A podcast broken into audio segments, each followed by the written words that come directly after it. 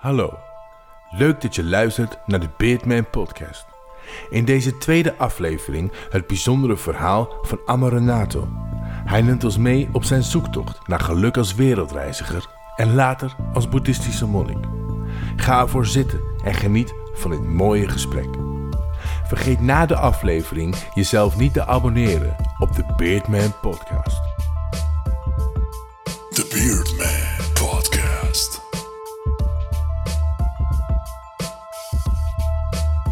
Amaranatho, welcome.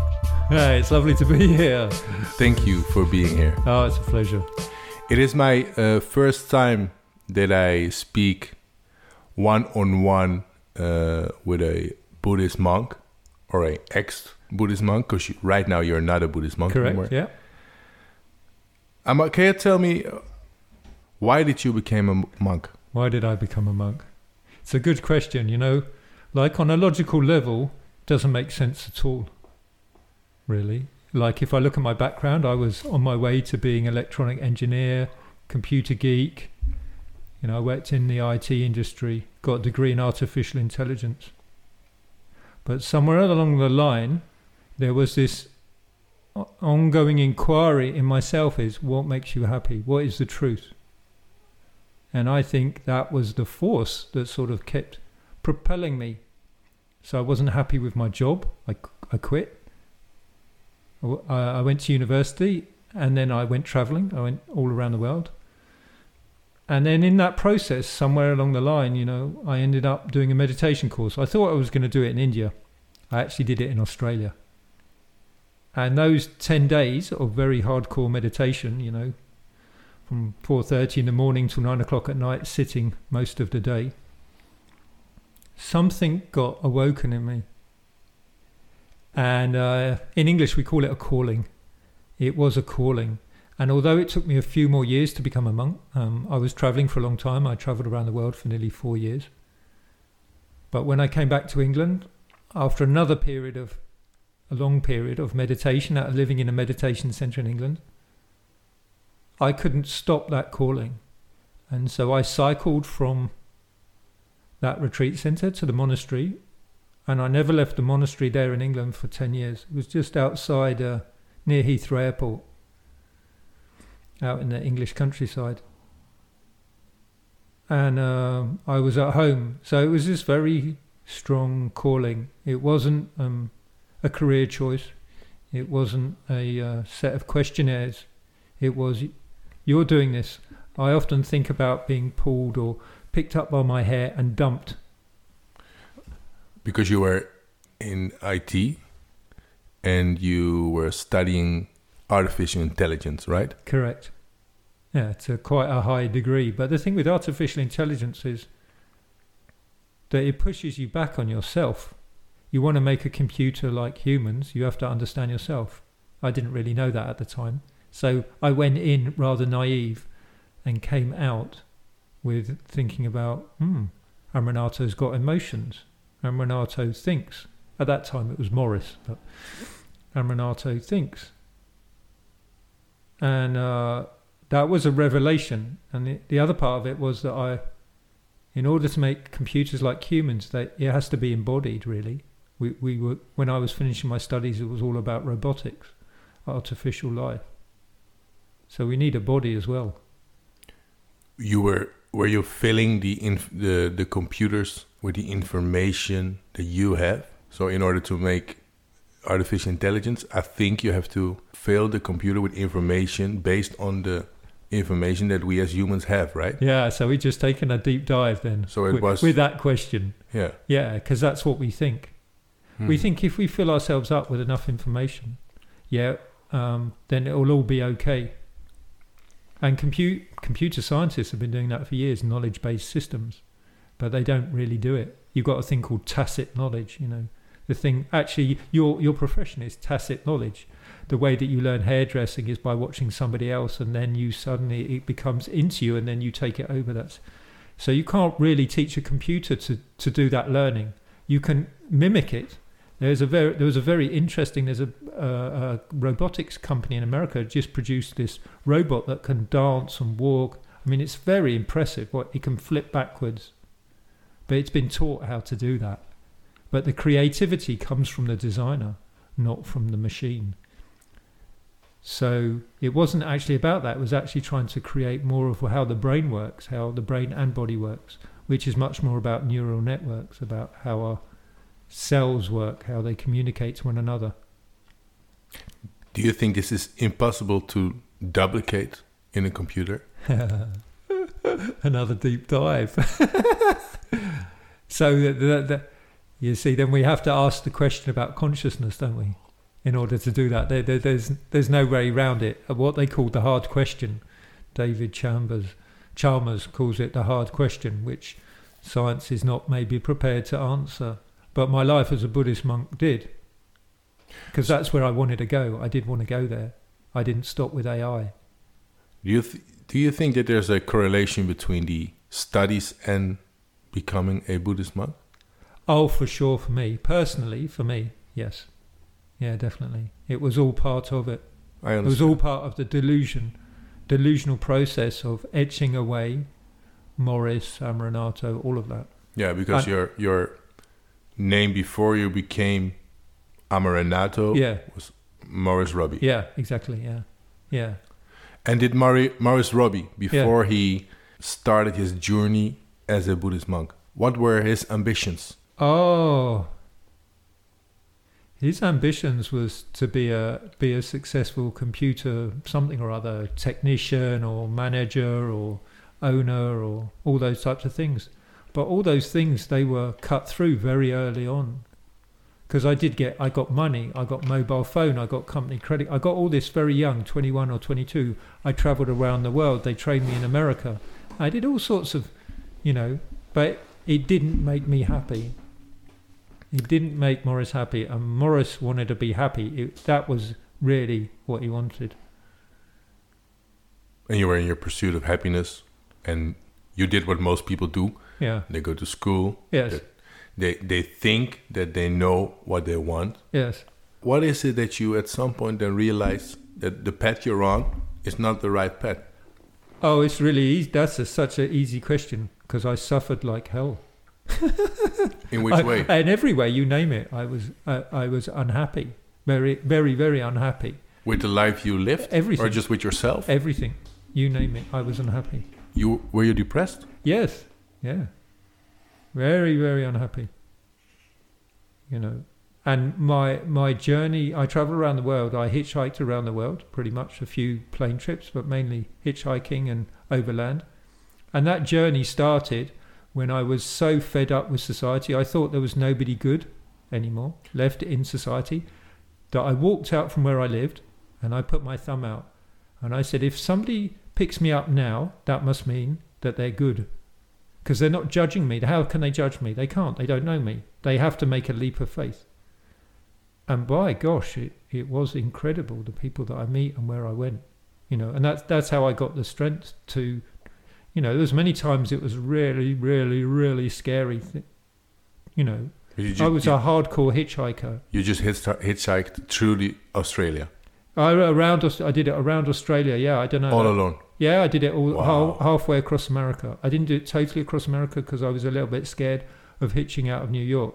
So I took a I took a two day or three day bus ride to a quarter or maybe a bit over maybe yeah maybe a half way across America. Can't, Yellowstone National Park, wherever that is, and then I hitched from there all the way to um, to San Francisco. And uh, you know, You said that you lost faith in humanity. yes, What was it that made you lose that? my own unhappiness. When I look at it now, my own unhappiness because it's like a filter, isn't it? Uh, that's a filter that you put on, and so you can't see anything more. But as I stepped out and explored that, explored meeting people in that way, I couldn't really hold to that view anymore. It was too difficult because people were being very kind to me. I remember one time when I was in Germany, and uh, and and this person was so kind to me, you just would not believe it. How kind? I mean, it's not just one experience. Actually, it's many. There was a few risky experiences as well. It's not you know, I've also had a few risky experiences with that. But on the whole, I just met kindness. That does something to you when you when you meet a stranger and they're kind to you. You know, they're not. And some of these people may have had very different views to what I may believe. What? So you were hitchhiking. Yeah. Um, how, how did you introduce yourself? Did you introduce yourself to the people as a Buddhist monk? Oh no, this was before I was a Buddhist monk. So this was a long time before I was a monk. This was just in my in my uh, yeah before I became a Buddhist monk. Wow. Yeah, yeah. So this was no, there was nothing. They didn't know me. All they saw was You were still Maurice Robbie. yeah. I was on the side of the road with a big Wow. beard and a massive rucksack. In in America, you you had to put your hands on top of the rucksack. That's the that's what you have to do in because they think that you've got a gun otherwise. Really? Yeah. Wow. You you stand on the side of the road. You put your hands on the top of the rucksack. Yeah, you know, and then they, you jump in the back of a truck, usually like a jeep, and they put you in the back, and then they speak to you, and if they like you, you you may get into the front of the car. This was in this was in uh, San Francisco area. Wow. Yeah, quite amazing. Did you encounter aggressive people towards you? Yeah, there was a couple. Yeah, there was a few people, not that many, but there was. There was sometimes. How, how did you relativate this in your head? Because you were just going, uh, you, you met positive people, Yeah, so people that wanted to help you, yeah, um, and this gave you more trust in humanity, yes, I suppose. yes. What happened when you saw people that were negative, that didn't want to help you, and said, "F you, Amaranatho, go go away. I don't want to help you." What happened to you mentally when something like this? Well, actually, you you you develop a sort of um, kindness in yourself to them. Actually, compassion.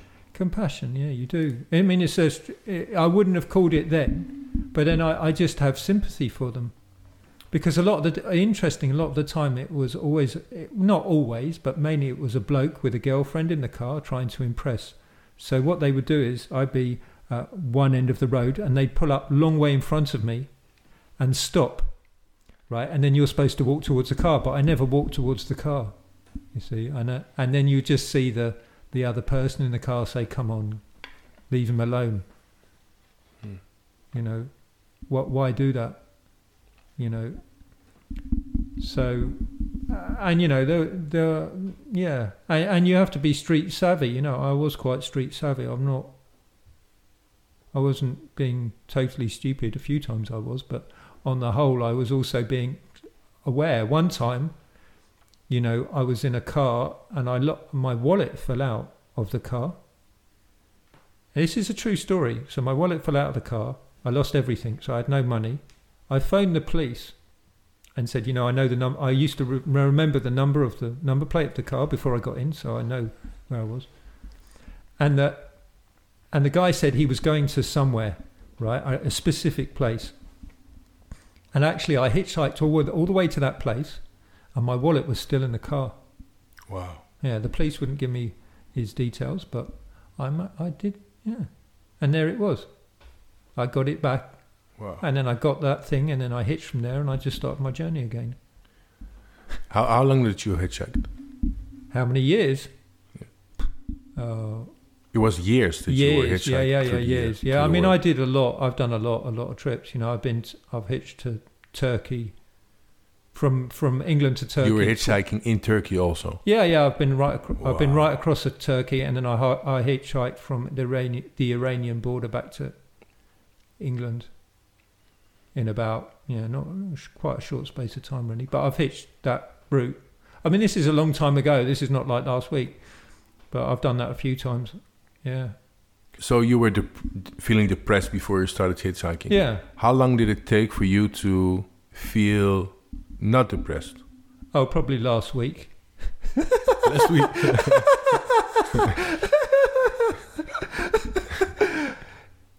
So uh, uh, I always love the see when I hear depressed now. Yeah, I, it, it it means something different to me. So deep rest, depressed, deep rest. So I'm not talking about those that are clinically depressed. That's you know. So uh, that that depression took a took a took many years. It it didn't. It took many years. It didn't stop un, until I was really in the monastery. So it's a long period of time, you know. But not, yeah. It was a, um, a, a low grade hum, Mhm. a low grade hum. So after the hitchhiking, you went to a monastery. Yeah, after all that travel, I went to a monastery in England. Yeah, ten years, and then I and then I travelled around the world for another five years as a freelance monk.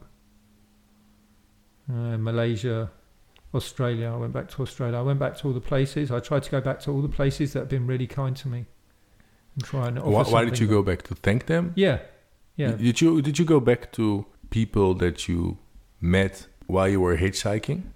I didn't specifically, um, but I did go back to a few places where people had been really kind, or something had happened, and and go there as a monk and offer a blessing. And you were wearing your robe. I was wearing my robe. And did you did you f- find anyone who you recognized yes, from hitch? there was there was one person. It's a it's a really long story, but it, it I was actually. I mean, the reason that he knows me is because it was so far out. So I was in the middle of the Australian outback, and I'd been working as a cowboy there for a long time, and I went back out there as a monk because I I'd killed an animal there on that farm. Even though it's a long story, but anyway, I wanted to go back there and bless that place, and um.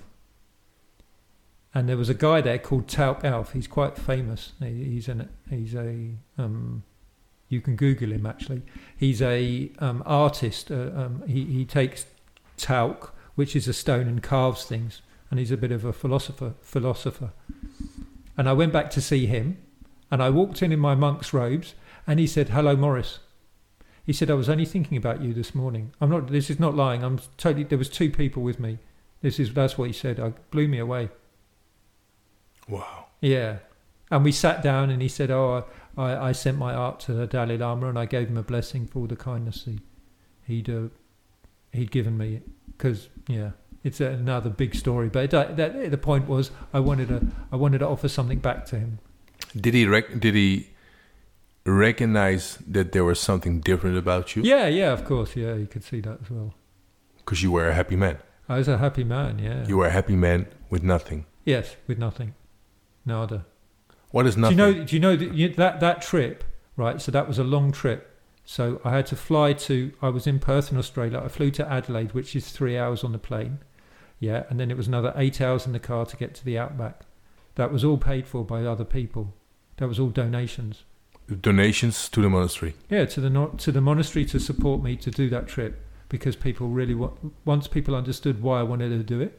The two women that took me on there were very uh, into animal protection and they understood completely and they gave their time and their energy and everything. It was amazing, really amazing. Wow. My my body is the gift is was based on the gift of others as a monk. Yeah. Yeah. Donations, Yeah. food, Yeah. everything, everything I had. Because the monastery could be there because people would give their donations. Uh, only way. In this particular form, it was only by donation. this was the uh, monastery in England. Yeah, I mean, there's a few of them around the world. Because in in uh, culture yes, is bigger in Asia than in the United Kingdom, I suppose. correct. Much, much, much, much bigger. Yeah. So you told you you told me about the um, what what was the most difficult thing for you? What was the most difficult thing from you you you left everything behind Yes, uh, when you were still Maurice, yes, and then you became a Buddhist monk. yes. What was the most difficult thing in the transition? There wasn't. I, ca- I, I, I, I'm just preparing another talk, and I was thinking about this about, and I was just reflecting on, you know, you have to give up money. I remember cutting up my credit card. I remember closing my account. Did you felt any relief when you were cutting your credit card? Oh, I felt relief when Because I. in some sort of way you say goodbye to the material yeah, world. I did. I did. You know, I, and yet I had my I, I had my camping tent and, tent and rucksack at the side of the door. But actually, uh, I I the relief was when I ordained as a monk. When I did that ceremony, and I changed my name, and I got out of my jeans, and I put my robes on, and I made the commitment in front of the community, and said, "I'm going to live this life." And I'm going to commit to this and commit to living with these people. Were you were you happy because you could say goodbye to Maurice? Um, at that time, probably I was. Yeah. um, that, that that that he could be put to bed. Yeah, not in a not in a not in a um, box. No, he was just going for a rest, for He- sleep. Yeah, he, he he he didn't need to be there, but in the end he did. He, so he's come back. Well, I think you always have to remember where you come from. Absolutely. Never forget the- the person you were used to be. And in the monastery, it was relentless around that. So actually, it was always about that, not to leave anything behind. No. Yes. No, yeah. Yeah. I mean, really, the mo- other monks and nuns, nuns told me, do not, do not leave parts of yourself hanging around. No. It I- I- all has to come with you. That's a journey and a half. that's the only way to go through it. Yeah. I think that's the only way to to to become a happy person. Exactly. All of it. You need all of you. What is happiness then for you? Well, there's many different. There's many uh, different definitions of what happiness is. You know, But what is it to you? It's nothing to me really anymore. It doesn't exist. When I when I get the nice vegan food that I like, oh, and Renato's happy. When he gets that nice vegan cheese that he likes, oh, he's happy. When he gets his gluten-free ice cream, he's happy. so you can buy these nice four gluten-free boxes from Albert Heijn's, I think. There's four of them, and uh, because they're quite small, you know, actually I can eat the whole box. Right, so and they have stomachache. yeah, and then you have a stomachache. So that that's that's that's happiness, isn't it? You see. So I I prefer, uh, although it's not a maybe a common word, but I prefer. How do you moderate your behavior? Happiness is an hormone, right? It's dopamine. Uh, yeah, I guess you could. You know, yeah, you could you could say it that way, but you know, but again, there's different levels of of uh, of happy of how we might explore happiness. What is it that we should aim for as human beings? So happiness is something that comes and goes, right? Happiness is if I'm you happy. ask big questions, Wes. Thank you. I do my best. but what is it? What, we, what, what is it? So for me personally, it's only about waking up as a human being. That's all there is for me. But you have to because you you know you're doing a speaking soon Yeah. in front of a lot of people. You have Yeah. all your experience. Yes. There have to be things in life to aim for, right? Yes, on the on the on the human level, on the on the personality level, Yeah. yeah, that's fine. But the understanding is that that will never really give you happiness. None of it. Not any of it in the end. It's good to have and it's good to have aims and particularly if you're young, you know, it's good to have some sort of what I would call direction of travel. You see if you get a goal yeah, and you just aim towards that. I mean, this is part of my coaching experience as well. But if you have a goal, you'll just get that maybe, or you won't get it. But if you have a direction of travel, it's like a wide angle, right? It says, I want to go in this direction. Well, there's all sorts of possibilities within that wide angle. And you might see what comes from it. You know, so I, I've just changed as a coaching supervisor, which means I look after other coaches, and I'm re- I really enjoying that at the moment. So I've just put my focus there and it's been very interesting about what works come because I just put my focus there. It's quite a wide angle, and it, it, the the particular piece of work that that like came in today was not what I was thinking about, but it's within that angle. Is it that you you think that the path is more important than the goal?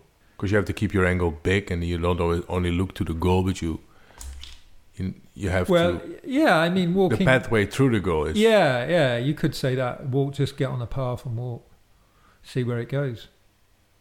You know, that's what I did when I was hitchhiking. You see, I had a lot of experience of that. I just get on the road and Because for you, it's not only a metaphor. For you, it's just a, a fact. You did it like that. I did it like that. I just, you know, say, where do you want to go? Okay, well, this trip I'll go to Greece.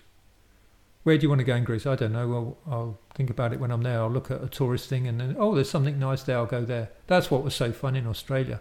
I had so much fun because it's such a big country. You know, I did 10,000 kilometres or 15, whatever it is around Australia. Think, oh, I'll just go there. Oh, well, I'll just go there. Yeah, but, you know. You felt this endless freedom. yeah, but I wasn't happy. But later, you you as a, a Buddhist, you went back to Australia, Yeah, I did. and then you also hitchhiked, right? uh, no, I didn't. Or you traveled through the through the through the monastery. Yeah, through okay. just through the monastery. Yeah, didn't need to. People were so kind.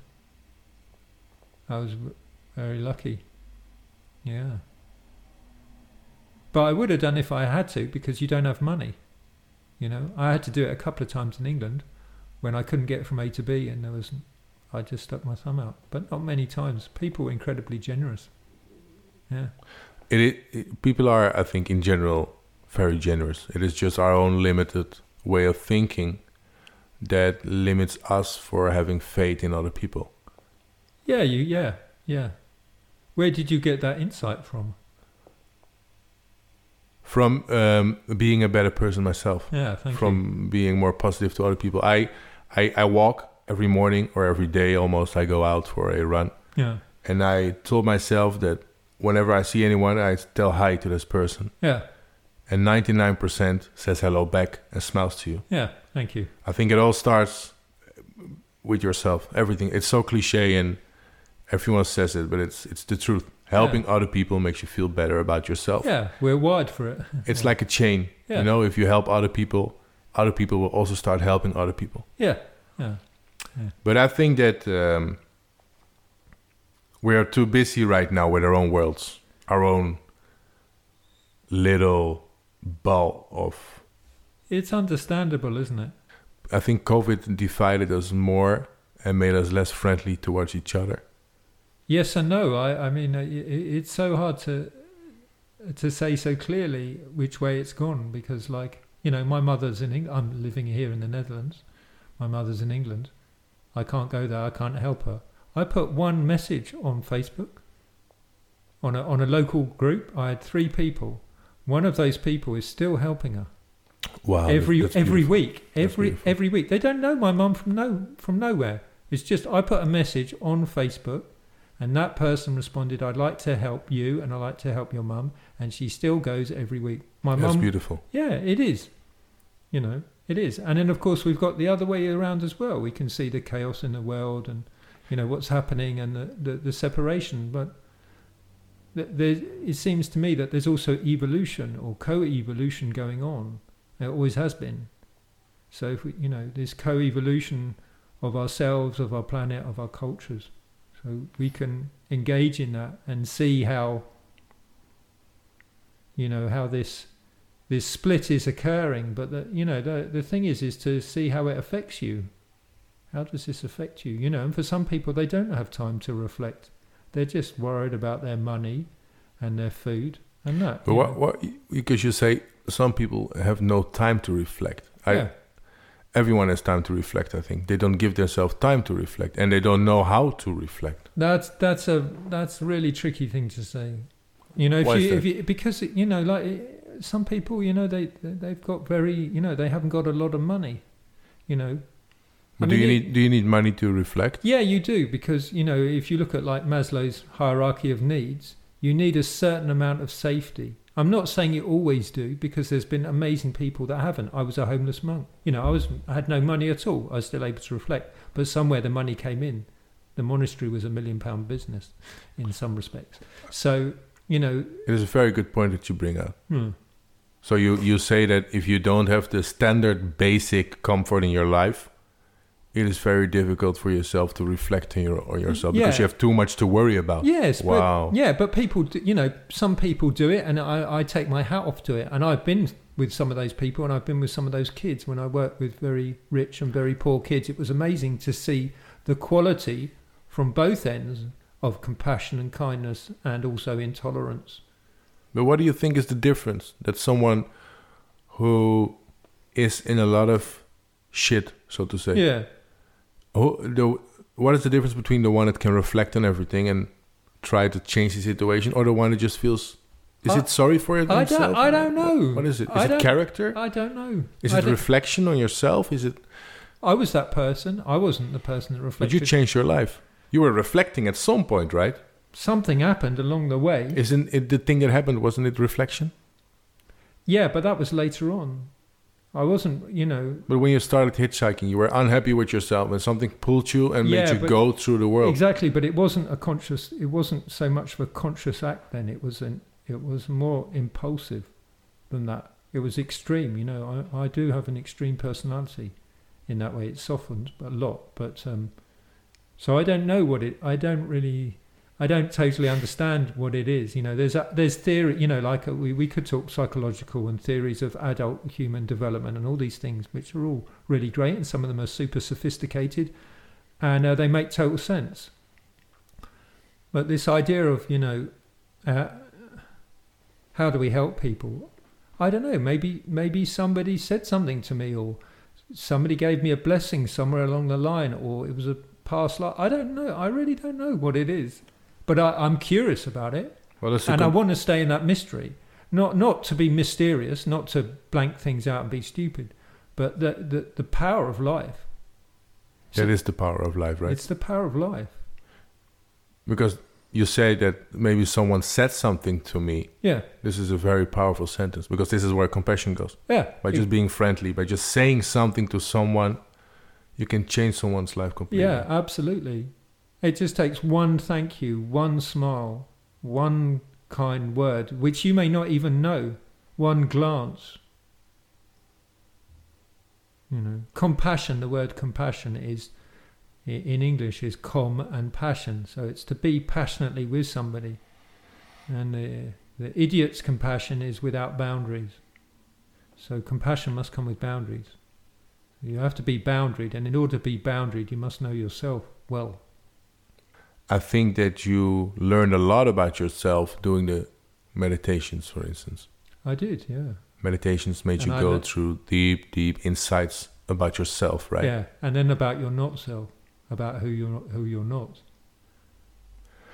Do you think that meditation can make sure that people are because I, f- personally for me I think that meditation is the best tool to reflect upon yourself. Yes, Do you think that it can help people to reflect on themselves? uh, uh, it well. If you look at the mindfulness movement now, you could say that it's not really working that well. It doesn't not really helping people reflect. Some people, you know, because you know, mindfulness is a social phenomena.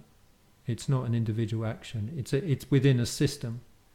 So you need you need also inquiry, ability to inquire critically, or you know, or contemplatively. Critically on your with yourself, right? Well, yeah, not to beat yourself up. That's not what I'm saying, but just to inquire, yeah, and say you know, doubt or being analytical. It's a in some ways it's sort of a scientific approach, but it's not to stop. You know, I never stopped. I went all the way down until I got to the root of it. With with meditation. Yeah, and and and uh, because the prolonged meditation it can lead to changing one's state, right? yeah, but also it, you State know, of consciousness. Yeah, but also if you don't if you don't have an understanding, you know, of trauma or these types of things, it can also not be very good for you. There's a you know, and uh, What do you mean not be very good? That it, it's scary to go through those places? completely Because at some point you, You- p- people say that during meditation you can also um, go through some ego death, yeah you know, where you can just completely lose your yourself. yeah that's right yeah that's, Did it happen to you? yeah yeah yeah And- you can and did reach that a place have- of stillness, total stillness. Did it have impact on you? Yeah, of course it does. Yeah, yeah. But it's also it can be incredibly scary as well if you, if you you know like I've done I've done quite a few long retreats. And I, what, what I mean by that, you know, I've done one, two, and three months alone, without seeing that many people, just a few people here and It's there. complete self-reflection, right? Uh, well, yeah, it can be. It can also, you know, yeah, it can be, and you can also distract yourself, and but you get to see more clearly. And but you don't do that. You know, generally in the West, we don't do that. You know, the way I was trained was you you have enough experience to be able to hold that, so that you know when you're going crazy, you know what to do when your mind is out of control. Because if you don't know what to do, you get into a really big spin. You know, so But that's what happens with a lot of people, I think. And it, it also sometimes happens to me or happened to me yeah, that I, you know, you're just into this, and and it, it you're I trained myself not having it anymore by meditation, yes, and I, um, well, I the, the where we we spoke about the ego that I and I. I went through that, but by um, using psilocybin, so Yes. magic mushrooms, Yes. And it also completely. It was scary. It was really scary, but it just dissolved my ego completely. It, was, it liquefied my ego, and Yes. there was a world of nothingness. You know, it just made me see that. It made me completely one with the rest of the universe. Yes. You know, it's completely one with everything Yeah. around. And it changed me as a person. Yeah. I think it made me a better person. Indeed. But since then, I don't have this negative thought loops anymore. You know, Yeah. that you think, oh, I didn't, maybe I said that's wrong, or maybe I did that wrong, and it just stays in your head. It Yeah. keeps playing and playing and playing. But not everyone has the time to, no, not everyone has the motivation um, to do what you did. And No, not everyone wants to meditate or. No, that's fine. But That's how do you break this cycle of negativity? Well, I guess one of the ways of, of doing that without doing meditation is to be kind. Kind to yourself and kind to other people. I mean, so it always goes back to compassion. It does, yeah. You, you know, and if, you know, being really compassionate and also getting the help of others. You see, our nervous system is wired for other people. It's really important. Our nervous system is wired for other people, Wild, w- wired, uh, hardwired. yeah. To you mean for other people? What do you mean with that? So we feel safe when we're with other. We we feel deeply safe when we're with other people that are safe, and that that relationship is a powerful healing force. You know. Wow. Yeah. I I completely agree with you. And uh, well, this is one of the reasons that I wanted to be a barber, and it's one of the reasons why I wanted to do this podcast yeah, it's Right. one way of doing it. in order to uh, communicate with people. And I wanted to do this podcast to communicate with people like you to go on a deeper level of communication Yeah. and help other people that are stuck in their life or Yeah. just want to be inspired. Because I think your story is very, very inspiring, Amaranatho. Thank you. The courage you have to have to, well, is it courage? Yeah, it is. Yeah, Yeah, courage. courage. Yeah, courage. The courage you have to have to, to hitchhike through the world Yeah, or just go to a monastery. yeah, It's a very inspiring story. yeah. And when I when I when I see you, you have this. Uh, of course, you're not a saint. You're a human being, I am. but but I feel that there's this calm over you. You know that you are. You you are a first person view person, Yes. so right. you you handle you you are able to you're very you know m- very mindful. I know mindful is maybe not the right word because it's a propaganda thing Yeah. mindful is something that you know there's netflix documentaries about meditation and There being is. mindful and, and Yeah. It's a good start, though. It gets people interested. I mean, like 10 years ago, you couldn't even speak about this thing. And now you can. And that's good enough. So I'm not against all of that, you know, to just to use it. I mean, you say, how, how do things evolve? They evolve just like that. How can we speak about mindfulness? Like, you know, in a couple of weeks' time, I'm going to speak to a whole group of business people about my, my retreat experience. I wouldn't have thought that two years ago. I, you didn't thought you would talk about it no, I never thought I would be in front of a bunch of business people speaking about my retreat experience at all. Never. but you you created the path in order to be able to speak on a con- on this conference right I, don't- I don't know. I don't know. li- I don't know how it happened because you know, like I mean, they wouldn't ask me to do that no, that's true. You know, I've got the expe- obviously I've got you know I've got the experience, and I you know, and I'm a good market person, so I, people know that I've got that experience, right? But it, it it's it's a mixture. It's between you and the world. You know, it's a dance. But it is because you you just always followed your gut feeling your is it your gut feeling you uh, followed your destination I, I followed. Uh, uh, I, I wouldn't even say that. I would just say I, I'm learning and continuing to learning to trust life. is it also because you know that you know nothing That- Uh, that- the more that the older I get now, it's like socrates said yeah, the more, the older I get now, the less that I know. Like I think a few years ago, I would say I knew a lot more, and now it seems to be going. I really know a lot less, but uh, um, there there is something about it. You know, I just what I want to hold on to, I, I is not possible, and that that is a trust game. really. What you want to hold on to is not possible. Yeah. Wow. You Yeah. as a you mean Anything. you as a person. Anything. everything comes and goes, right? Everything comes and goes, you know. I mean, yeah.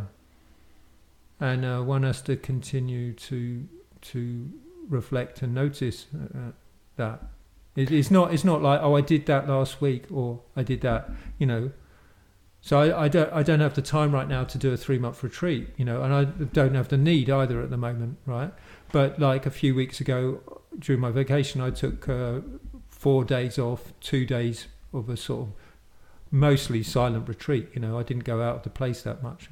I think the people thought that I'd rented this uh, garden hut and thought I was a bit strange, but you know, I didn't leave. I just bought some food and stayed there, and I looked at the, I looked at the swans and the river flowing and the nature and the sun, and rested and meditated and uh, saw what came up in my mind. So it, you know, and you think, well, didn't you do that when you were on a three-month retreat? You know, so many years ago, or didn't you do that 10 years ago? Yeah, I did. But different set of conditions, you know. so it, it, it is it is something that you keep doing. Yeah, Like- yeah, but it, you know, the the ultimate the ultimate is in is in um, is no, is knowing that you're nothing. Knowing that you're nothing and that you're everything at the same time. Uh, Knowing that you're nothing. and everything. Wow. Yeah, that there's no separation. Because That if this you is it. If you know that you that you are nothing, Yeah. means that you can always be there for other people. Correct. And that nothing is not nothing, that's no thing. No, no, no. I understand. Well, it's important because people people say, well, you're you know doing nothing, you're not contributing, or I don't know, whatever it is. But it's not that; it's the no thing. no thing. Knowing that you're no thing. Yeah, and it's a subtlety, you know. And these are things, you know. It doesn't really matter what I say on this podcast, to be honest. You have to find it out for yourself. You know, my, these are pointers. Don't believe any I anything I say. You know, you think all this is rubbish or I don't understand it. So what? Just just use it as a reflective tool to understand yourself better. It's not that you're going to do an Amaranatho journey. It's impossible. I can't do a Wes journey. No. No, No. I can't do. We are all else. living in our own universe. right. So the thing is, is In can our you own universe. Right, but can you follow your own journey deeply all the way home? There's a lot of people that live their life with the pressure of other people expecting them to live a certain life, right? You you get 16, you finish high school, you go to university and Yeah, you get stuck. For some people, some people love what they are doing. You know, there's a massive amount of people that, that are fully behind the choices that are make Yes. that they make. yeah, But there's also a massive amount of people that are not behind the choices Yeah. they're making. They just do it because of peer pressure or social Yes. pressure. yes. Why? How, how can they escape escape this? Because they know? just might be listening to this podcast, and then there's a chance that they say, "I think I can do something different," or they see somebody walking down the road, or they watch a documentary on TV, or they read a book, or they they see somebody else's life, or somebody else gives them a bit of kindness, somebody else touches them in some way. But then it's, there is our inner inner voice that says, "No, you can't do it. Don't Yeah, do that. Stay where you are because Yeah. you will fail. Yeah. You cannot do it." So It's the inner voice that we listen to. Make friends with it. Make friends with your inner voice. Yeah. How do you make friends with your inner voice? By by just what we're doing now, like I'm making friends with your voice right now. I'm listening to you, so make friends with it. You know, if it's a very strong voice and it's really critical, of course you need support, right? So there's always a le- you know a spectrum of these things. You know, so if you um, you know if it's really making your life misery, I, I'd you know I'd say go and get some professional help, coach or counselor or therapist, for sure you know they can they can be really uh, uh, helpful you know or even a good friend you know uh, uh, if we make friends with those voices and learn to listen to them, I've got loads of voices in my head. I still got those voices in my head. Me too. I think everyone has voices in their head. So that that's the definition of for me. That's the definition of sanity is to know your voices, not let them run the shop, but to know them. You know, the critical one, the praise one, the blame one, the authoritative. You know, there's tons of them. Just keep knowing them all. I know. I know one meditation teacher, you know, who does these very extreme dark retreats. So he does them in a dark room, very uh, accomplished meditation teacher, and he talks about you know going into one retreat and finding fifteen different voices or something. You know, just very impressive. From one head. Yeah, from from inside Wow. oneself. You know, and and the more that you get to know them, the more you can, you know, that's compassion as well. Compassion, Compassion for yourself. compassion for yourself, which is which is very can be a real struggle in the Western world because we don't see it so much. Compassion for yourself. Yeah, for ourselves. Yeah, who who's modelling that? How do you? How, why do you think we don't see it so much? Uh, because um, it um, it's a really good question, and I know if I answer it in one particular way, we go down another rabbit hole. So that's why I've that's I, why I I've like the rabbit hole. Oh, that's why I've paused. So com- the the so what I would say with that is that um, compassion comes from very uh, a, a way of understanding about ourselves, and compassion can come from very early on in our childhood, very very early on, and when it's modelled really well on a parental level, uh, it can have profound effects on your life. wow. Yeah, profound effects, and um, yeah, that's what I want to say. So you think that the I am aware of the fact that you as a parent, I'm a I'm a father of my my daughter. I'm one of the most important. I am the most important man in her world. I'm the most. uh, My my wife is the most important woman in her world right now. That will change at some point, but right now. Yes. And I know that parenting is so so key. Yes. But how do you how do you think as a father or a mother? How can you show your kid to have compassion with himself, with herself, or by, himself? by doing it yourself. The key to parenting. So I've run a lot of parenting courses, and I ran a family camp for a long time. I'm not a parent. I've never had a child, um, but I've run a lot of parenting courses and and uh, studied a lot of the neuroscience. There's much more neuroscience about it now, and science in general. And the key to that is is model it. You want your don't ask your kid to do anything that you're not prepared to do yourself. This is very, very, very strong. If you want your your um, son daughter to be compassionate model it to them. Just model it to them and explain when you can't do it. That doesn't matter. It doesn't matter you, you know whether you get angry or upset. You're helping them to have emotional intelligence by modeling it. So you're helping them to find the words. If they don't have the words they can't express it. If they don't know what that is you know I'm- this is over a long period of time i'm talking about so it's really, um, you know, that is a major thing. I, uh, I, few about a month ago, I co-produced a conference uh, around this on pre and perinatal psychology with some of the world leaders uh, around birth, midwifery, and parenting. And uh, there's a way more research around this, around the impact that one can one can have. This is on the condition level. And um, you can be brought up in a very uncompassionate situation and still have, still develop compassion. There is the the mind is neuroplastic, neuroplasticity. Anybody at any age, if you look at if you read, uh, oh, I'm never good with books. I can't remember the guy's name, but he wrote a book about neuroplasticity with all these experiments they've done on all sorts of different people, up to 80 plus. You can always change your brain structure. Tomorrow you don't have to be the person No. you are today. You know, that's right. And saying that, people will say to me, "Why haven't you learned Dutch yet?" Because we all, we all speak English. this is your number one excuse, right? Because you're so good in English.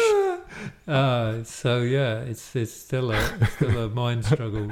So my my cognitive flexibility around language is not as good as the children that I know that live from a young age in a in a culture where they where their parents speak two languages and they get it immediately. Mm, You know. 100%. You know, But you can learn Dutch. I can learn Dutch. It's just where you put your mind on. Netherlands. It's just where you put your mind on. Yeah, exactly. Prima. Ja, prima. Goed. Prima, Amma. Prima. well, but what you just said, it is for for everyone, right? You have to be a model for everyone, not only for your kids, also for your neighbor, for your friend, for the people walking on the street. Yeah, as much as you can do. Try to be the best person you can be. Yeah, and when you can't have compassion to yourself. And but but but you but in order to well if you are raised in a family or you're raised with friends or people that are less uh, good role models then it is very difficult to break the cycle you know you're in this loop you think that the life that other people live are is is a good way because everyone else does it then it is very difficult to break the loop right you have Who- to have a knows? break breakdown or Uh, who knows? You don't know. You just don't know. One teacher, one teacher at school, one, you know. See, there's, you know, maybe there's like some kids that can't go to school, they go to special schools. Yeah. One of those teachers says something.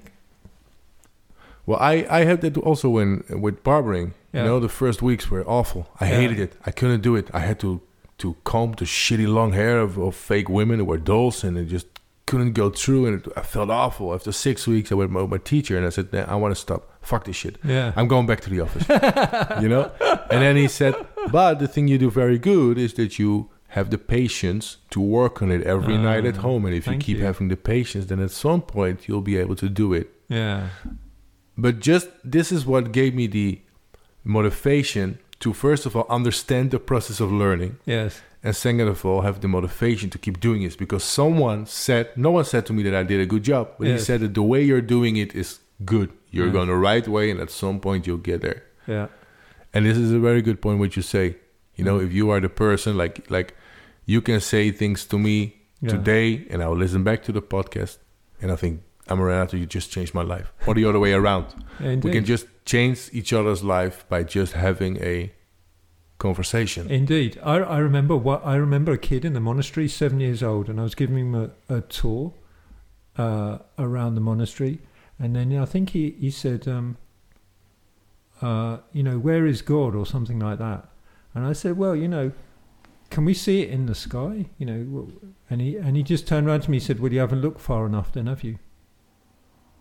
Mm. And I went, whoa, seven-year-old cat. seven year old. Wow. What does that say about his curiosity and his mind state? Very good parenting, right? Indeed, Very Some, good somebody's kept, somebody's kept him curious. Some- Open-minded. yeah, you know, open-minded. Yeah. If you can see something, it doesn't mean it's not true. no, no. Wow. Yeah, how do you know that? I don't know. I, you know, I'm, I was saying it as a certainty, but he's right, isn't he? Of course, the kid's right. So I didn't put him down at all. I said, "Wow, that's amazing! Isn't that fantastic? What else do you know? What else could you teach me?" But it's difficult not to judge, right? I mean, I also judge. And Oh, I try yeah. not to judge because I, at some point, it would be great to reach nirvana. You know, a state of nirvana where Yeah. you have this complete inner calm, where you don't judge, where you take things yeah, as they are. that's a load of rubbish, though. Huh? That's a load of rubbish, though. That's But it's just the impossible, that's right? the sales marketing stuff, isn't it? Mindful sales also. Yes. Mindfulness sales. Yeah. But it is it is impossible not to judge. Yeah. So what? So don't, why? I always hope I you know I try not to judge, but I I the thing is that I I developed a way of thinking as a third person, Yes. you know. So then my first per, is it my first person? I think my first person thought is going like, or the third person Yeah. thought that sees someone's walking and thinks, look at him or look at Yeah. her, and then I immediately just figuratively Yeah. slap myself in the face and think, don't do that. Yeah. Why do you do that? Exactly. You know, you, yeah. but it is so shitty, and the people that don't do this don't are not aware of it.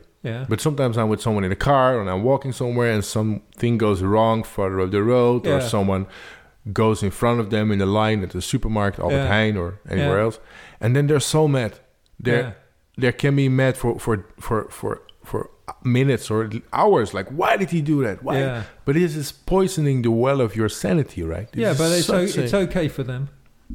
Are they really okay? Is, is it really okay for them, or Yeah. is it just not knowing more than what they It's know okay. in that it's, moment? it's okay for them. Compassion. Yeah. They can have that experience. Yeah. How do how how do your kids learn? Your kid learn. By experience. Thank you. So you're sort of trying to take the experience away from people. Now we might be able to create conditions, some conditions that maybe help. I don't know. I was living in a very ethical place in a monastery. Turned out to be quite unethical in some respects when I, you know, some experiences I had, it was quite unethical. Where does that leave you? You know, I mean, I live with very high moral, uh, ethical standards, but still it came in. The only way of getting rid of ju- judgment is by by uh, by prefrontal lobotomy. You know, take the front part of your brain out, the executive. We we're built to judge. That's how, that's what the ego does. It's just to put it into perspective. Like you said, like you clearly said, you know, your third person, the ability to observe, that is a great part of mindfulness. Being able to witness things. Not go numb, but just witness and then make a choice from that place. How can you train that? How do you think? yeah, you that, I mean, that, that, so that, that that really does come back to mindfulness and a simple basic practice of observing one's breath, and then uh, that allows you to respond and deal with complexity. It's a very simple act. This is one of the best things that I've uh, d- uh, that I've learned. Yeah, Uh, was is the, the, the best thing I learned was is to breathe in through your nose, breathe in very very deep, and then exhale through your mouth or through your nose, and be very aware of the way you're breathing. It makes when I'm stressed and I do this, or when I can't sleep, I just lay in the bed and I breathe in through my nose, Mhm. breathe out through my mouth. It takes away the stress, and you also feel the negativity go out of your of your system. yeah, You know, it's not it's not a miracle thing, and you need to be you need to train it. But it is so good. What a little, uh, what the, the the way of breathing is so important yeah. on the way of thinking. Yes. Why don't we just try a minute now? So why don't you just, you know, why don't you just settle? uh, You know, I'm I'm asking the people listening as well. Why don't you just settle into something comfortable right now, and then just become aware of your breath. So mouth shut, and if you can breathe through your nose. So no fancy position, not trying to get peaceful, but just notice how your breath is whether it's fast or slow or tight or shallow. You can put your hand on your belly if you want, just to notice if you're breathing in your belly. And uh, you might have lots of different thoughts, you might have no thoughts. So, just this sense of uh, self compassion, of welcoming, not trying to fix anything, you know, just notice how the body is.